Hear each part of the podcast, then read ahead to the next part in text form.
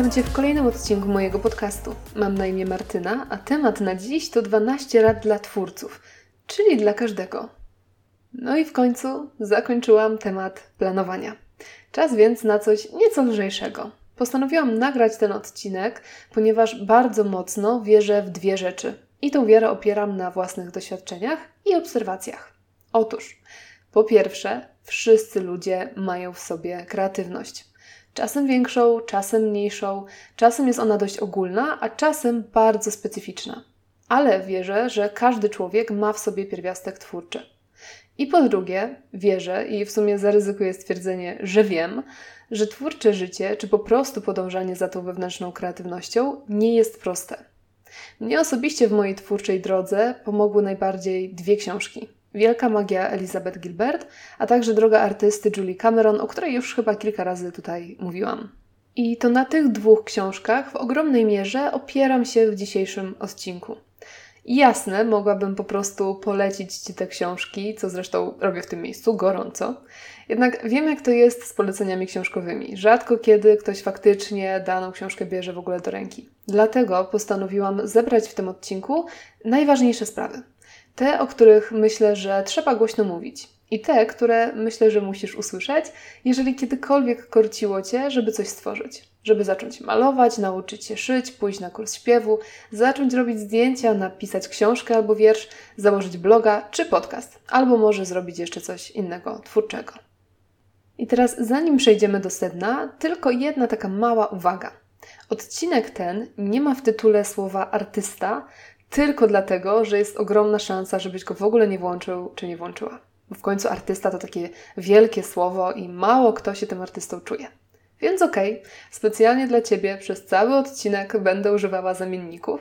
Pamiętaj jednak, że mówiąc na przykład o kreatorach, mam ogromną ochotę używać za każdym razem słowa artysta. I spokojnie wszystkie zamienniki na tego artystę możesz zamienić. No dobra, to skoro to już mamy z głowy, to przejdźmy wreszcie do sedna. Rada numer jeden. Zrozum, że twórcą jest każdy z urodzenia. O tym już wspominałam, ale chcę to jeszcze rozwinąć. Jako dzieci non-stop tworzymy, rysujemy, budujemy, kreujemy, tworzymy coś, wymyślamy. Niestety z wiekiem, kiedy pojawia się wstyd i obawa przed krytyką, zamykamy naszych wewnętrznych twórców na klucz w piwnicach naszych umysłów i serc. I później w dorosłym życiu czasem słyszymy walenie w rury, kiedy próbują zwrócić na siebie naszą uwagę, ale przez większość czasu skutecznie ich zagłuszamy. Oni jednak tam cały czas są i czekają w uśpieniu przez całe życie, więc o tym warto pamiętać. I tu wchodzi moja druga rada. Daj sobie pozwolenie, by tworzyć. Wypuść tego artystę z piwnicy, przeproś go za ignorowanie jego próśb i błagań przez te wszystkie lata, uściśnij mu rękę i zrób mu miejsce przy stole. Nie musisz się go obawiać, wierz mi. On naprawdę nie chce przewrócić Twojego życia do góry nogami. Nie chce zrobić Ci krzywdy. Jedyne, czego chce, to uczynić Twoje życie ciekawszym, pełniejszym i radośniejszym. I chce zrealizować swój, czyli Twój, wrodzony potencjał. Kolejna moja rada to oficjalnie wejdź w swoją nową, ekscytującą rolę. I tu parę słów o rolach, ponieważ mamy ich naprawdę wiele. W tym momencie jesteś pewnie kobietą, córką, żoną, mamą i przedsiębiorczynią albo synem, bratem, inżynierem i pracownikiem. Co ważniejsze, te role się zupełnie nie wykluczają. Jasne, każda dokłada ci parę nowych obowiązków, ale też dodaje coś do Twojej osobowości i do Twojego życia. Spokojnie możesz więc dodać do tego swojego repertuaru ról, możesz dodać rolę twórcy. I ona również płynnie wpasuje się w Twoje życie, niekoniecznie je burząc. To, co jednak warto zrobić, to oficjalnie nadać sobie tą rolę. I ja wiem, że to brzmi pretensjonalnie, ale zachęcam Cię, żebyś stanął pewnego dnia przed lustrem, czy stanęła przed lustrem i powiedział, powiedziała na głos: Jestem fotografem, jestem pisarzem, jestem muzykiem, jestem malarzem, jestem kucharzem, czy kim tam jeszcze chcesz być. Kiedy już zadeklarujesz sam przed sobą, czy sama przed sobą swoją nową rolę, wypełniaj ją codziennie. Żyj tym. Ojcem nie jesteś tylko kilka dni w tygodniu. Do pracy nie chodzisz tylko w środę. Mężowi nie mówisz, że w czwartki nie będziesz jego żoną. Podobnie jest z życiem twórczym. Twórz codziennie. A jeśli nie masz czasu faktycznie tworzyć codziennie, i tak żyj tą rolą. Myśl o fabule swojej książki, notuj pomysły na zdjęcia, rozglądaj się z zaciekawieniem, szukając inspiracji. Codziennie pokazuj, nie wiem, wszechświatowi, Bogu, innym ludziom i sobie przede wszystkim, że poważnie podchodzisz do swojej twórczej pracy i do swojej nowej roli. Rada numer 5. Pamiętaj, że wena napływa i odpływa falami. Czasami się pojawia, czasami przez bardzo długi czas nie.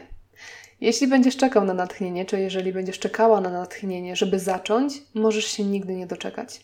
Jeżeli natomiast będziesz robić swoje, konsekwentnie i regularnie, jest spora szansa, że to natchnienie faktycznie do Ciebie przyjdzie i wesprze Cię w Twojej pracy. Numer 6. Przestań skupiać się na innych. Tworzenie pod publikę, pod kogoś, dla uwielbienia tłumów nigdy nie jest dobrym pomysłem. A zezowanie cały czas na potencjalnych odbiorców sprawi jedynie, że stracisz całą radość stworzenia. Równocześnie przestań skupiać się na sobie, to jest rada, którą ja samej sobie daję każdego dnia i nadal czasami jest mi trudno się do niej zastosować. Ogromną ilość czasu do tej pory spędzałam na zastanawianiu się, czy się nie ośmieszę, czy mam prawo coś tworzyć, skoro nie mam wykształcenia w danym kierunku, czy to, co stworzę, będzie dobre. I nadal często myślę o tym, jak zostanę oceniona i z czym będzie się dla mnie dana twórczość wiązała. Ale wiesz, co zaczynam tutaj widzieć? Zaczynam tutaj widzieć ja, ja, ja i ja. Widzę dla mnie, o mnie, przeze mnie. Nie myślę o twórczości, nie myślę o kreacji, która moimi rękami chce się urzeczywistnić, tylko myślę o sobie. A to bardzo skutecznie zabija moją kreatywność i radość z niej. I może się okazać, że ty masz podobnie. No dobrze, ale w takim razie, skoro nie masz się skupiać na odbiorcach i nie masz się skupiać na sobie jako twórcy, to na czym masz się skupiać? Otóż odpowiedź brzmi na samej sztuce, na dziele, które pragniesz stworzyć, na radości z samej czynności. Tworzenie dla ludzi albo tworzenie, żeby sobie coś udowodnić, zawsze będzie obarczone ciężarem. Lekkość jest natomiast tylko tam, gdzie jest radość z działania. Z powyższego wynika w sumie jeszcze jedna rada, to już numer 9. Zrozum, że efekt Twojej pracy nie musi być wielki, przełomowy, ambitny i wspaniały. I to jest znów coś, z czym ja się niesamowicie borykam i co mnie czasem kompletnie blokuje. Chcę pisać, ale w mojej głowie tkwią same lekkie, romantyczne powieści. A przecież jak już coś pisać, to arcydzieło głębokie i w ogóle wstrząsające ludzkością. Chciałabym śpiewać, ale gdzie mi do wczesnej Edyty Górniak czy Whitney Houston? Chciałabym wrócić do tańca, ale po trzydziestce to już przecież kariery nie zrobię. Kiedyś to już powiedziałam, dzisiaj to powtórzę. To twoje i moje ego mówi ci, że cokolwiek robisz, to musi być coś wielkiego. A ja ci mówię i sobie, że można zrobić coś takiego o, że można napisać słabą powieść, że można śpiewać dziecku kołysanki albo zaśpiewać na karaoke ze znajomymi. Nie trzeba być od razu mistrzem. Nie trzeba być mistrzem w ogóle. Raz jeszcze nie twórz dla innych i nie obarczaj siebie i swojego dzieła koniecznością uratowania ludzkości. Twórz dla siebie z radości tworzenia i to naprawdę serio wystarczy. Numer 10 myślę, że też turboważny. A mianowicie nie przeceniaj oryginalności. Doceń autentyczność. Często nie tworzymy czegoś, bo wydaje się nam, że to już przecież było. Ktoś już bankowo zrobił taki projekt fotograficzny. Książek o miłości i romansów są całe długie półki w księgarniach. Codziennie muzycy tworzą miliony nowych utworów. Na Instagramie jest już pełno influencerek z własnymi markami osobistymi. YouTube jest codziennie zalewany kolejnymi filmami. Jaki jest więc sens tworzyć kolejną wersję czegoś, co już przecież jest? Otóż sens jest, ponieważ ty jesteś jedynym sobą na tym świecie. Tylko ty przeżyłeś to, co przeżyłeś, czy przeżyłaś to, co przeżyłaś. Tylko ty masz taki zlepek cech, jaki masz. Tylko ty masz takie spojrzenie na świat, jakie masz.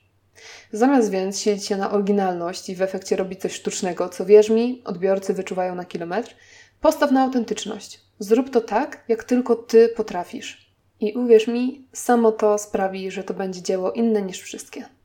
Numer 11. Wyrzuć z głowy wszystkie mity, jakie masz na temat twórczości. Zapomnij o stereotypie artysty bez grosza przy duszy, o stereotypie artysty cierpiącego. Nie słuchaj, co na ten temat mówią ludzie, najczęściej ci, którzy nadal swojego wewnętrznego artystę trzymają w piwnicy pod kluczem. Odważ się na samodzielną eksplorację świata twórczości i sam się przekonaj, jak ci w niej będzie. I wreszcie numer 12, myślę, że jeden z najważniejszych. Na wejście na ścieżkę kreatywności nigdy nie jest za późno. Nigdy. Dlatego nieważne, czy masz lat 20, 40, 60 czy 80, jeżeli masz wewnętrzne pragnienie, żeby zbliżyć się do sztuki, żeby zacząć żyć bardziej kreatywnie i coś stworzyć, pójdź za tym. Ze sztuką na szczęście nie jest jak na przykład ze sportem, że Twoje wyniki zależą od kondycji i po przekroczeniu jakiegoś wieku większość sportowców przechodzi na emeryturę. Sztuka jest dostępna absolutnie dla każdego i możesz być blisko niej przez calutkie życie. I możesz też zbliżyć się do niej nawet pod koniec tego swojego życia. I wierz mi, nadal będzie warto. I tutaj właściwie miałam skończyć, ale podczas przygotowywania się do tego odcinka i podczas już nagrywania go właściwie, znalazłam jeszcze jedną kapitalną radę i stwierdziłam, że muszę ją tu dodać. Więc potraktuję ją jako bonusową trzynastą radę dla wszystkich tych, którzy wytrwali do tego miejsca odcinka. A mianowicie numer 13. Czasem zdarzy się, że Wena Cię opuści totalnie. Zamiast panikować, uruchom inny kanał. Einstein czynność otwierania jednego kanału umysłowego dzięki zajmowaniu się innym nazywał grą kombinowaną. Kiedy on miał jakąś blokadę i problem, którego nie mógł rozwiązać, grał na skrzypcach. Kiedy skupiał się na czymś zupełnie innym, w końcu rozwiązanie jego problemu do niego przychodziło. Więc jeśli utkniesz, zrób coś innego. Zamiast pisania, maluj. Zamiast komponowania, tańcz. Zamiast fotografowania, śpiewaj. Jest bardzo prawdopodobne, że po jakimś czasie wrócisz do tej swojej dziedziny twórczości z zupełnie nowym zapałem, z nową energią i z nowymi pomysłami. No dobra, tyle rad na dziś. Nie czuję, żebym wyczerpała temat, ale to dlatego, że sama to twórcze życie próbuję wieść od lat i mam wrażenie, że popełniłam absolutnie wszystkie błędy i wpadłam we wszystkie jego pułapki. Niemniej, w imię akceptowalnej długości tego odcinka skończę w tym miejscu a ewentualne dalsze rady zacznę notować i być może wrócę tu kiedyś z drugą częścią. A póki co mam nadzieję, jak zwykle, że ten odcinek był dla Ciebie ciekawy i inspirujący i mam nadzieję, że nawet jeśli swoim wywodem nie uwolniłam jeszcze Twojego wewnętrznego artysty, czy, mm, przepraszam, e, kreatora, to może chociaż stoisz już na szczycie schodów, obracając klucz w rękach. Na to mam ogromną nadzieję i z tą poetycką wizją Cię zostawiam. Dzięki za dziś, do usłyszenia, cześć!